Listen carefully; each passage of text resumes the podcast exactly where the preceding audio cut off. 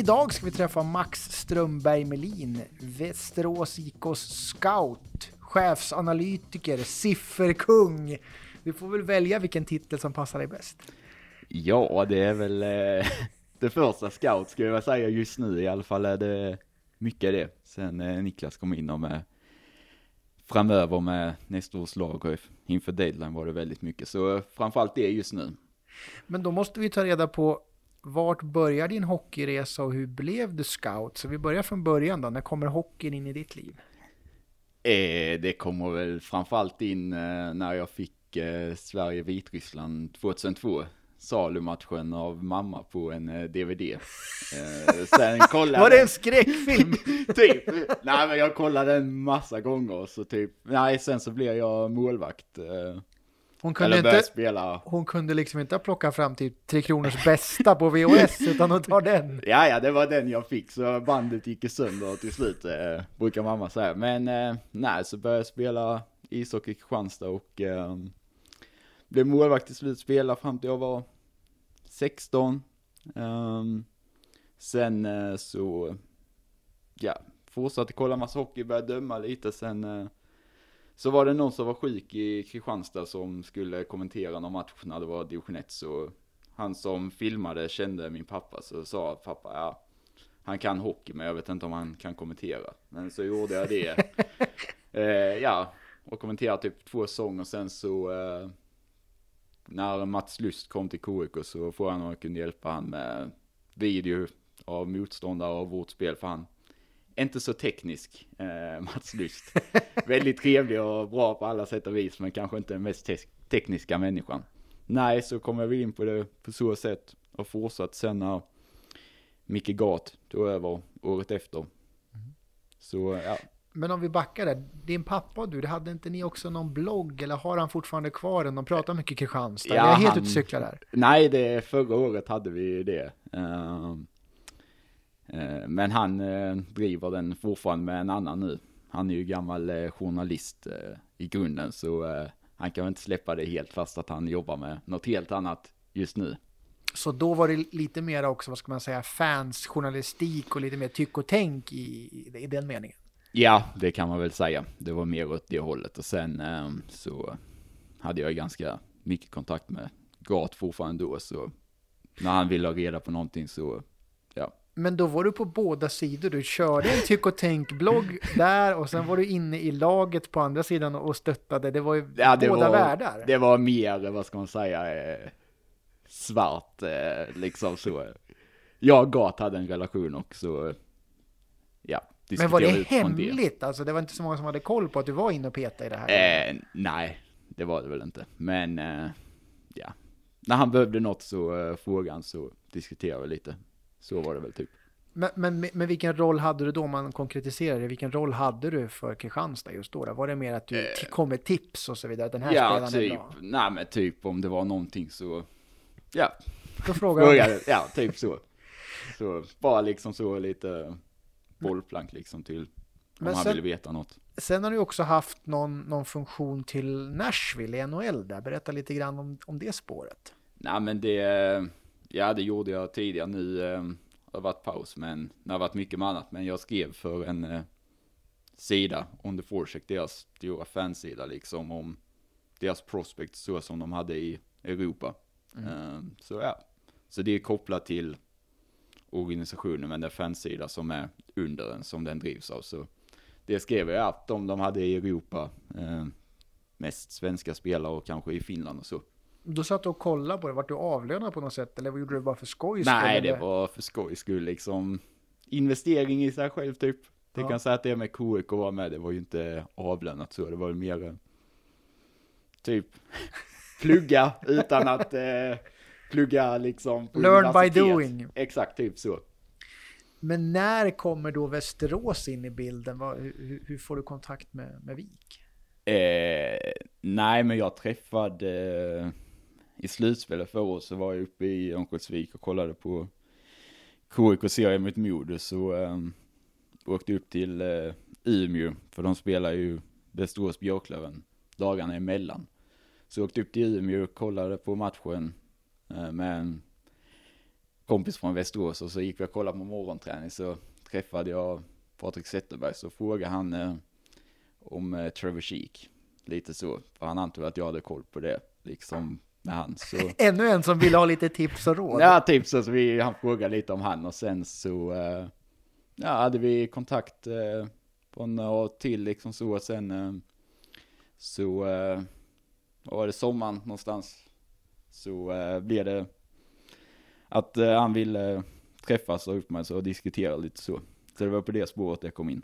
Men vad sa du då om Trevor Sheek? Sa du att äh, han är klappkast, ta inte han för att du vill att han ska vara kvar i Kristianstad, eller hur var Nej, men eh, så, man visste väl att eh, eh, hierarkin som Kristianstad är att man får ta dem först, importer, lite som Västervik gör. Eh, det var ju samma med Kontos Sidorov som drog till Slovakien, men eh, man Men var du att så pass bra att, som han var så ja, skulle jag inte bli kvar. Så jag sa väl ja, det, till roll så sa ju Zäta att lite elakhet, lite framför mål, sånt som Kik är bra på till slutspel. Så ja, då är det väl en bra spelare till den rollen. Men var du inblandad i att Sheek kom till Kristianstad från början då? då?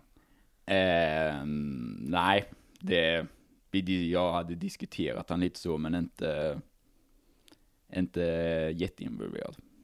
Men sen blir det då Västerås och vad får du för roll presenterad för dig här av Zäta? Eh, att jobba tight med Z med eh, scouting av spelare, eh, nyförvärv alltså. Och sen så eh, lite analys av siffror, lite mer. Inte bara de ytliga utav hur vi spelar, utan mer djupgående siffror som eh, man är det de använda ganska- underliggande siffrorna vi pratar om? Ja, nu? advanced stats liksom. eh, och åt det hållet. Och sen så eh, understödjer jag Thomas och Fagge med det som de ville ha hjälp med liksom. Så ett underlätta liksom för alla dem, eh, Zäta, Thomas, Fagge, i deras roll. Men då kom ju du också in, vad ska man säga, efter silly season, så laget var ju satt när Ja. du kom in i organisationen. Så Ja. då fick du ju inte vara med och, och, och liksom bolla och bygga så mycket med nyförvärven. Vilka spelare under säsongen var du med och påverkade dem? Då? Eh, det är väl de som kommit in efter att eh, säsongen har börjat kan man säga. Så ehm, Så vilka var den första du var involverad i? väldigt involverad var väl eh, lånet utav eh, Liam. Och sen så eh, Nick Albano. Och sen så vidare därifrån med Robertson-lånet, eh, Filip och Filip. Men om vi- Lagun och Persson. Men om vi tittar på de här svenska spelarna då, satte de dig på, "Ja, men kolla upp de här matcherna nu i SHL och J20 och så vidare, eller hur, hur tittade du på de svenska spelarna? Nej men det, ja. Man går ner och kollar. Eh, bildar sig en uppfattning, pratar med folk runt om. Eh, försöker utifrån diskutera med Z som det var då med Liam, liksom vilken roll som han kan tänkas på. Vi hade ju Frycklund som center, vill ha en till offensiv liksom center som kunde bidra i det offensiva som saknas kanske lite så då var han väl ett alternativ och Frölunda ville nå ut honom för att han skulle få speltid så då sätter de sig och kollar eh, gör en bedömning kan han ta den rollen liksom är mogen för att spela en offensiv kunna leda en kedja på allsvensk nivå. Och det börjar han visa nu att han är och det tyckte vi redan då så så går det till. Och så kollar man siffror där med har han en positiv inverkan här på isen eller är det en negativ inverkan? Och så vidare. Sen är det svårt. Liams roll i Frölunda var ju mer i en roll som han kanske inte spelar här. Där det fanns centra som var mer offensiva, att han hamnade i en tredje, fjärde line så han hade siffror som utifrån den rollen var väldigt eh, tilltalande för att han ändå driver spelet och har en positiv inverkan när han deltar och är på isen. Men just svenska spelare, och speciellt SHL-spelare, måste ju vara, ska vi säga det, lite enklare att scouta så, även utanför isen. Men om vi kollar på Albano och sen eh, Lugano eh, Lagunov, så nu sa jag fel också, Niklas säger, han, han, han smittar, han smittar. Eh, Lagunov, eh, när han kom in här, alltså vad, hur tittar du på dem? Skiljer det sig någonting när du scoutar spelare som är, som är i ligor som man inte kan titta på daglig basis? Ja, framförallt så har man ju ingen bild av dem från början. Eh, Liam och Robertson hade man ju en bild av för, ja, man hör mycket om dem, ser dem liksom på kvällarna när man kollar hockey och så, men på de andra så är det mer från scratch när man börjar kolla så då får man ju gå väldigt mycket på djupet och eh, analysera olika delar, hur de kan överföra spelet från liten till stor is och sådana grejer. Så det blir ju en väldigt mycket djupare och större process när man ska scouta dem. Mm.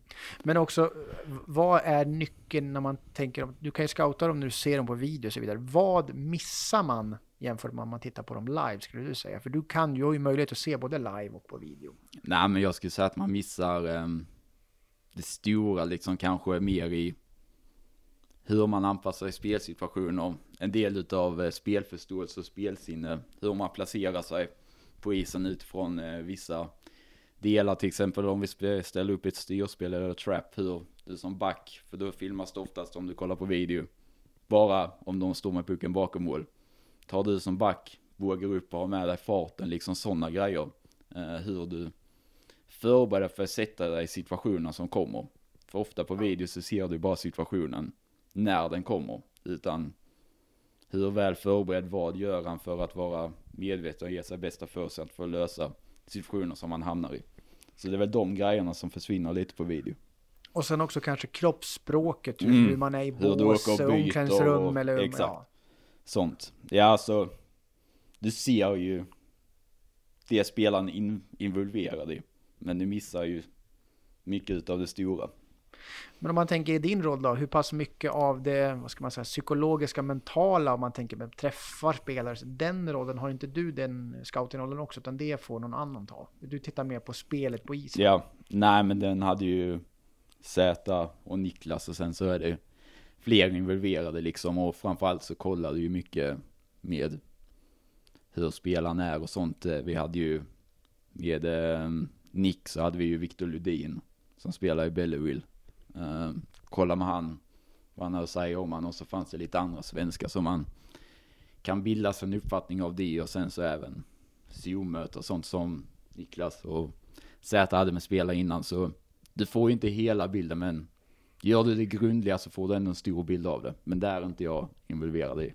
Nej, för om man är lite elak så kan man väl tro att pratar du med en agent så får du ju bara gröna mm. skogar. Han är bra på allt, han är billig, han är bäst, ska vi skriva på här? Men mm. för att få fram de här, vad ska man säga, båda sidorna av myntet. Mm. Där, vad, vad, är den bästa, skulle du säga, källan för det? Är det lagkamrater eller före detta tränare? Eller vad skulle du säga, vad är, det, vad är den bästa källan där tycker du? Nej men bästa källan i allt är väl en eh, blandning. Få alla sidor av myntet. Du ska ta agentens liksom perspektiv på det och hur han ser på sakerna. Och sen så lagkamrater som då den dagliga basisen med tränare, hur de responderar på saker som de får till sig och allt sånt. Så med allt det ihopvägt så kan du utan att träffas som fysiskt få en ganska bra bild på det. Och sen i jäkligt hög utsträckning så är ju importer otroligt trevliga och eh, professionella eh, till 100%. Men har du någonsin blivit, om man säger så, extremt lurad av att titta på en spelare? Jag behöver inte säga vem eller så, men jag tänker på, finns det exempel där du känner, oh gud, det här är en jättebra spelare på det här och på det här och sen när han dyker upp eller när du får se han live så är det bara, men vad är det här? Ja men det, så blir det väl, men framförallt så är det ju med ligor som eh, eh, du ska översätta den till spelaren, hur han passar till hur vi vill spela, hur svensk hockey är.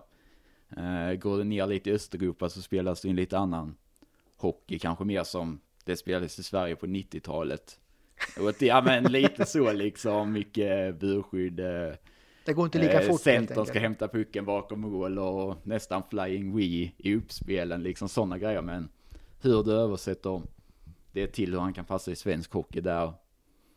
Det är ju, nu är jag fortfarande ganska ny så, men du lär dig mer och mer att kunna översätta det han gör till en svensk kontext i de ligorna de är.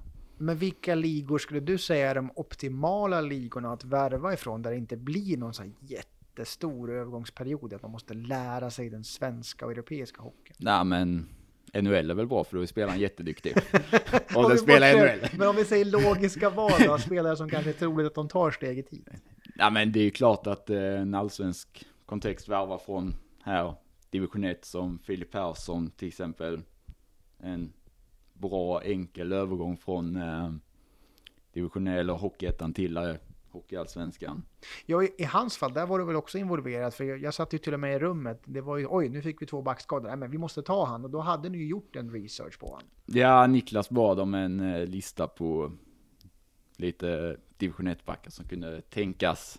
Eh, så jag tog fram en lista på vad hade vi, fyra, fem backar som vi diskuterade fram och tillbaka sen. Eh, där Niklas kände att ja, de kan vi gå på. Sen eh, var det ju Jadeskog och Gunnarsson. Gunnarsson i matchen mot Kristianstad där den 15. Så eh, vi tänkte, ja, vi kanske inte behöver en back och sen båda av. Så då var det ju två och en halv timme att försöka lösa det. Men då var vi ju liksom, vi var ju klara plan. med allt förarbete. Så det var ju bara att få tag i agent, få tag i spelare. Och han hade ju nyss spelat med Halmstad och gjort två mål liksom. Men så hela förarbetet med att scouta spelare och sånt var ju klart. Så vi satt ju på en ganska stor, ehm, vad ska man säga, pott av spelare som vi visste kunde fylla en roll och visste vad han skulle kunna göra. Jag berättar lite grann, det, det är ganska intressant för folk att veta tror jag det här, man ser trading deadline. När anlände du till Västerås? Du var väl här i flera dagar framför den? Eh, jag kom väl om det var söndag kväll eller måndag morgon där. Så sen satt vi väl, ja, måndag eftermiddag, kväll, hela tisdagen, hela onsdagen. Eh, det hade spelats en match också, men vi hade ju Ja, ni Vi hör- riggade ju upp en skärm där på rummet och Ja, och tittade lite grann. men Niklas blev så jävla sur när eh, KIK gjorde mål efter tre minuter så han eh, stängde av skärmen och sen fick vi bara försöka lista ut på eh, ljudet ifrån publiken, arenan, vad som hände i matchen. Ja, det är en måltuta som hade avslöjat om inte annat. Ja, vi fattar ju när vi gjorde mål i alla fall. Men det var mer svårt att urskilja när det blev lite missnöjt och burup om det var en utvisning eller om Kristianstad gjorde mål eller så. Men eh, ja, vi satt väl inlåsta i Niklas rum i uteslutande tid av de eh, 48 timmar nästan som vi var uppe innan trade deadline. Men det var väl en ganska kul del av säsongen också med tanke på att det ställs på sin spets och det här arbetet som du, för som sagt du hade ju fått lägga ner lite tid på att plocka fram alternativ. Nu vart det ju inte så många övergångar Mm. men du hade ju ändå en lista på, ja men de här och det kom ju, det, man kan väl säga så här utan att avslöja för mycket, det fanns ju mycket affärer på G som kastades fram och tillbaka och så vidare så det hände ju ganska mycket men ändå inte. Ja, Nick, vi hade ju som du sa en lista på ett antal sen innan som vi, hur det skulle gå mot Kristianstad i den matchen om det skulle bli skador, hur vi skulle agera ut efter det. Så blev det ju Filip, vi fick en trygg spelare, vi vet vad vi får, det finns en uppsida men framförallt så är det alla byten han gör så är det en bra inverkan, han driver spelet framåt. Och om vi skulle hamna i ett negativt kval så var det den karaktär man ville ha eh, trygghet och allt så. Eh, Filip Persson var ju arbetat sen innan, men sen var det som du sa massa andra grejer upp i luften och där hade vi ju en lista på spelare och sen så dök det upp eh, agent sa den och så var det någon sportchef den och Niklas ah men kolla på den spelaren, kolla så han satt och pratade i telefon och så eh, sa han och spela så gav han mig, ja efter två minuter, få tumme upp eller tumme ner. Jag bara, jag har sett han i två minuter, jag vet inte. Det Men sen var ju också marknaden i ett speciellt läge där det var så att varje spelare var värd mer än man kanske var. Ni kunde ju erbjuda till exempel två spelare härifrån för att få kanske en bättre spelare från andra lag. Det var ju hårdvaluta med att bara få kroppar in i lagen. Mm, det är ju, vi sitter ju ändå, nu har vi haft skador så och vi sitter ändå på vad är det, nio backar om alla hade varit friska. Plus att Göransson är tillbaka. Och 16 forwards. Och så har vi Karl Andersson och lite andra J20-spelare som har varit uppe och gjort det bra. Så vi hade ju lite förhandlingsutrymme med spelare liksom att vi satt ganska så välbefolkade på den delen. Så ehm, det var väl lite diskussioner fram och tillbaka men eh, det är många parter som ska bli nöjda och vilja ha det som vi ville ha det. Så det men vi är nöjda med utfallet med att vi fick in två. Men när dök Lagunov upp då, om man säger den här tidsramen? Var han med från början och ni kände att ah, vi väntar lite grann och sen kör vi? Eller dök han upp på slutet? Eller Han dök väl upp fredagen innan så kan det varit den elfte. Ehm, så Så då hade du ändå lite tid på dig? ja, han hade vi ju klar på och diskuterat och så. Så på måndag kväll så sa vi väl att vi kör på det sen. tisdag någon gång så blir han klar, så det var ju dagen innan deadline. Men sen är det ju papper och så är det ju arbetstillstånd och det ska vara Ja, massa var- grejer. Så det är ju, Filip Persson var ju mer för han kom från Sverige, det var ju en snabb affär när vi väl slog till. Men Laguna som spelar och allt så hade vi tagit beslut på, ja, vad kan det vara, 30 timmar innan deadline att vi går på det. Men var det också lite avskräckande med tanke på att det var tajt om tid, eh, spel klar och så vidare, kort säsong kvar och så vidare. Kände ni där, "Uh, vi hade väl haft en svensk center egentligen? Alltså, man vill ju alltid gå på svenska. Så är det ju. Ehm, men vi checkade av, ja, vi hade en lista på division eller Hockeyettans centrar. Eh, vägde dem fram och emot eh, Lagunov. Föll ändå till slut på att Lagunov, där det känns som ett säkrare kort eh, än Hockeyettan, centrarna. Eh, och framförallt som jag var inne på så kände vi oss trygga med.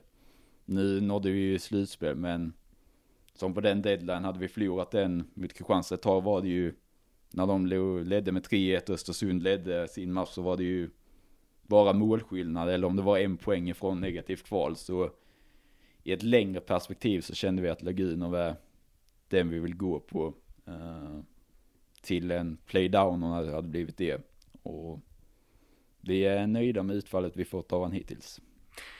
Men om man kikar också, du var inne lite grann på Hockeyettan där. Känner du att Hockeyettan på ett sätt är en lite underskattad källa att hitta bra spelare i? För det är inte så vanligt. Östman som sagt kom ju hit eh, nyligen. Jag har säkert tappat andra namn i huvudet så här spontant. Förra året. Regelius också. Även om det kanske inte varit en framtida investering så var det ju en quick fix då. Mm. Jesper Johansson, året Ja. ni gick upp från Halmstad. Precis. Eller vi gick upp, kanske man ska säga. Precis. Eh, nej, men det är det ju. Eh, det är så pass, och ofta så, eh, som om vi tar Filip nu, så han är skolad, gått hela gymnasietiden och juniortiden i Frölunda. Eh, det är ju något kvitto på att det är kvalitet. Eh, för ofta, antingen går du ju direkt och kan slå dig in i allsvenska SHL, men det är ju många så som nu är 22-23 som har gjort sina säsonger i ettan som har en skolning bakifrån med hockeygymnasiet på elitverksamhet eh, och du kan hitta väldigt bra fynd. Ofta redo, eh, både fysiskt och mentalt och dit de når med att ha ett arbete bredvid och den eh, kraften man lägger för att kunna kombinera det med hockey så visar det någon vilja och driv och det är ju ofta en viktig nyckel eh, kombinerat med att de har duktiga hockeyspelare. Och med ännu mer tid var heltidsproffs och så, så kan många från ettan växa ut och ta stora steg och det ser man ju. Nu är det till och med att lag värvar direkt ifrån eh, Hampus Karlsson, Norrvig som ska gå från Halmstad till, eller från Kalmar till Oskarshamn direkt. Vi hade Joel Persson som gick resan direkt, Carl Johansson från ettan till SHL så Pontus Holmberg. Pontus Holmberg är till Växjö, så det, den resan går ju att göra hela vägen. Och ser du allsvenskan så är det ju fullt av spelare i många lag som har en eh, bakgrund i ettan. Sen är ju, om vi bara ska säga, eh, har du ju, du ska omge det med annat. Eh, Troja förut kanske hade en för stor stumme med ettan-spelare. Eh, att det skulle vara det som var stummen. Och inte krydda med annat. Östersund i år lyckas krydda med en stumme av 8-9 spelare som var kvar med Marklund, Skärström och så vidare. Och så får man Carl Johansson, Anderberg, Miletic, Koivisto och så vidare. Så att du, det finns ju, du kan ju bygga ett lag av tio stycken ettanspelare men komplementet runt måste ju vara rätt. Det ska ju inte vara stjärnstummen utan det kan vara komplementspelare från ettan. Och då, då går det att hitta i alla lag i Hockeyettan som skulle kunna färga i Hockeyallsvenskan. du var inne på tidigare att du också plockade fram material över motståndarlagen då. Är det lika mycket nu som det var med Pannanen och eh, Fagerlund eller har du liksom mer fokuserat på scoutingen för kommande säsong nu eller hur ser det ut där? Eh, ja, plocka fram på motståndarna. Det är, de har sagt tydligt vad de vill eh, ha så att underlätta deras och de vill ta klipp på. Så forecheckar de, så deras styrspel, det är deras offensiva zonspel. Så det har ju varit mycket nu eh, i början när eh, Tero, eller coach som man säger man ska kalla honom för jag inte kan uttala hans namn. Terro. Eh, och eh, Sam kom in så var det ju mycket i början med att understödja dem med eh, Klipp och eh, jag och Niklas var ganska involverade för de kom in med en helt blank bild av Hockeyallsvenskan. Så det är så spelar de, så spelar de eh, utifrån situationer. Eh, men nu eh, så var det ganska skönt. Vi hade ju Kristianstad tre gånger när de var här, Mora två gånger.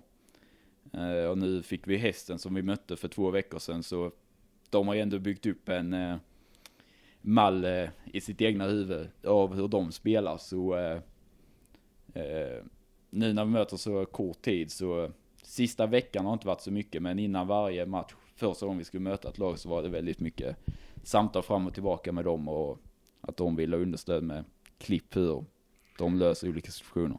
Men hur pass viktigt skulle du säga att det är att jobba med den typen av scouting? Är det mer ett verktyg för, för tränarna att sätta sig in, om de spelar så här, då vill jag matcha laget så, eller är det mer för att tränarna ska berätta för spelarna att ställ dig där, gör så för att de gör si och så? Eller hur skulle du säga att man använder den här informationen? Nej men i grunden så eh, ska man ändå styras av vad vi själva vill göra.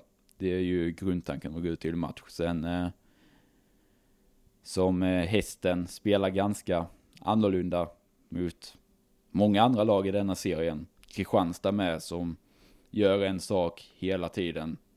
100% av gånger som inte många andra gör. Att du är medveten om den. Men eh, sen är det de kanske visar ett, två klipp på deras breakouts, deras control breakouts, deras trap och deras forecheck. Så man har en liten bild av det spelaren liksom att eh, där. Men i grunden, i grundserien i alla fall, så anpassar jag inte för mycket efter motståndare. Att ha en överblick, att du vet vad man ska göra. Det är ju mest special teams som du kanske riktigt går till botten med. Uh, powerplay och boxplay. Uh, hur de andra spelar och så. Men om man, om man är lite elak då, är det de sämre lagen som behöver scouta mer för att utnyttja det än de bättre lagen för de har så pass bra spelare ändå? Eller hur skulle du se på det där? Jag skulle nu säga att alla lagen eh, gör det. För Men vem som om, har mest behov av det? Ja, det vet när jag var med när de var i ettan så var det ju topplag. Mm. Men de la ju lika mycket tid på det som man gjorde i allsvenskan liksom och då var ett bottenlag. Så eh, vilka som är mest av behov, ja det vet jag inte. Sen är det ju individer i spelartruppen som vill ha mer och vissa vill ha mindre. Så eh, lagmässigt så vet jag inte vilka som behöver det mest, men sen är det individer i laget som vill ha mer info och vissa vill inte ha mer. Men när blir det för mycket som ett tv-spel då, när man säger stå där, stå där, skjut där och så vidare och så vidare. Blir det för mycket ibland tror du? Ja, det är klart att det blir, för i grunden så är det ju en så pass snabb sport att eh, mycket vill du ska gå på intuition. Tanken ska komma upp i huvudet, sen är det ju en grund i vad du vill göra utifrån vissa specifika grejer och så. Men eh, det är klart att det kan bli för mycket, men det behövs till en viss del. Eh, du fick ju också vara med i båset där första matchen när, när, när nya tränarna klev in. Vad, vad låg bakom det och, och hur var det? Eh, ja, det var roligt. Eh, framförallt att det var i Kristianstad var väl lite speciellt. Eh, var man än kollade runt så var det bara massa kompisar och folk som man eh, pratat med från och till i tio år, så det var roligt. Men det som låg bakom var väl framförallt, eh, ja, Tero och Sami hade ju inte koll på vad spelarna hette eller så. Det är bara att ta morgonvärmningen. Så var det eh, Liam skulle visa någonting så kallar Tero till sig han och säger John Kid, I don't know your name yet, but come here. Liksom så, så lite att de skulle ha koll. Så du var någon skulle... form av tolk kan man säga nästan? Ja, tolk och hade koll på uh, uh, efter powerplay, vilka ska in liksom, där har vi kanske en specifik kedja som inte spelar powerplay så man kommer rätt in i rytmen igen, uh, defensiva zonstarter att de kanske är bättre att starta då, de kanske är offensiva. När det blir förlängning, vilka kan spela den rollen, eller i förlängning, liksom så mer matchade utifrån situationen i matchen, vilka som skulle vara på isen. Så de hade nu fullt upp med att se matchen i sig och inte bara, och inte lära sig liksom. Eh, så du fick egentligen coacha åt dem första matchen om vi ska vara helt ärliga? Eh, ja, så jag lämnar 100% i ett bås. Kommer aldrig ställa mig där igen. Men, men vad fick du? Du fick ingen mer smak då? Du kände att nej, men det här var väl kul, det skulle man kunna göra fler gånger? Ja, det var väl roligt, men eh, man ser ju inte så mycket. Och ingen aning hur den matchen ser ut eller någonting då, förrän man såg den i efterhand. Så eh, det är lite... Det var ett värdelös scouting om man säger så. ja, det är skönare att sitta eh, uppe i en loge eller på pressläktaren och kolla.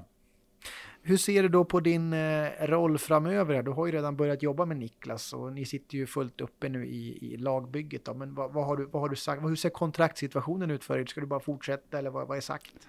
Eh, kontraktet eh, gäller väl, vad är det, en och en halv månad till, men eh, Niklas eh, vill förlänga, så vi ska väl försöka få till någonting där. Och eh, sen är det ju denna perioden som är jäkligt hektiskt. Det är väl här och sista dagen inför deadline som är mest. Här mars fram till maj någon gång där 95% av truppen sätts, så det är eh, listor från agenter på 200 spelare hit och dit och så eh, massa telefonsamtal och är den bra och nej och så får väl se men det är mycket att göra i alla fall. Så vad är din huvudsakliga roll nu? Är det att, ska man säga, sålla bort alternativ och plocka fram mer som du säger, en lista? Ja. Det här är det vettiga, vi behöver inte ens prata med de andra. Ja, det är väl så. Um, Niklas var väl ett getöga på alla och jag jag var väl mer grundlig på alla och sen så från en lista på, vi fick en på vad 160 spelare, fick ner den till 15 spelare. Som sen kollar vidare på hur intresset är, Niklas kanske börjar ta kontakt och så. så. Men hur sållar du en sån lista då? Är det liksom du vet, ja men det där har jag koll på, eller hur, hur går du igenom en sån lista ens? Ja men eh, listorna är ju, vissa var ju liksom så, eh, tyska, eller del 3 som är tyska tredje divisionen så var det en 41-åring. okay, som gör, ja, då kunde till och med jag säga att det inte var någonting att ha. Som gör 7 poäng på 50 matcher som eh, forward. Då, eh, men varför får ni ens de listorna för? Det, det är det. det. Till att börja med, då får ni blocka den mailkontakten. Ja, ja, men det är ju, ja men sen dyker det upp lite guldkorn liksom på listorna ändå. Men eh, nej, du sätter dig och kollar, går igenom en liksom checklista på en spelare som vi har liksom vad den ska kunna utföra. Det finns punkter som alla ska utföra. Oavsett om du är, ja vad ska man ta, Ryan Lash eller om du är Eh, Marcus Bergman. Liksom, så är det en lista som alla, en checklista som man som spelare ska kunna göra. Eh, sen går det ner på mer detalj. Den är för den rollen, då vill vi att han ska kunna bidra med det.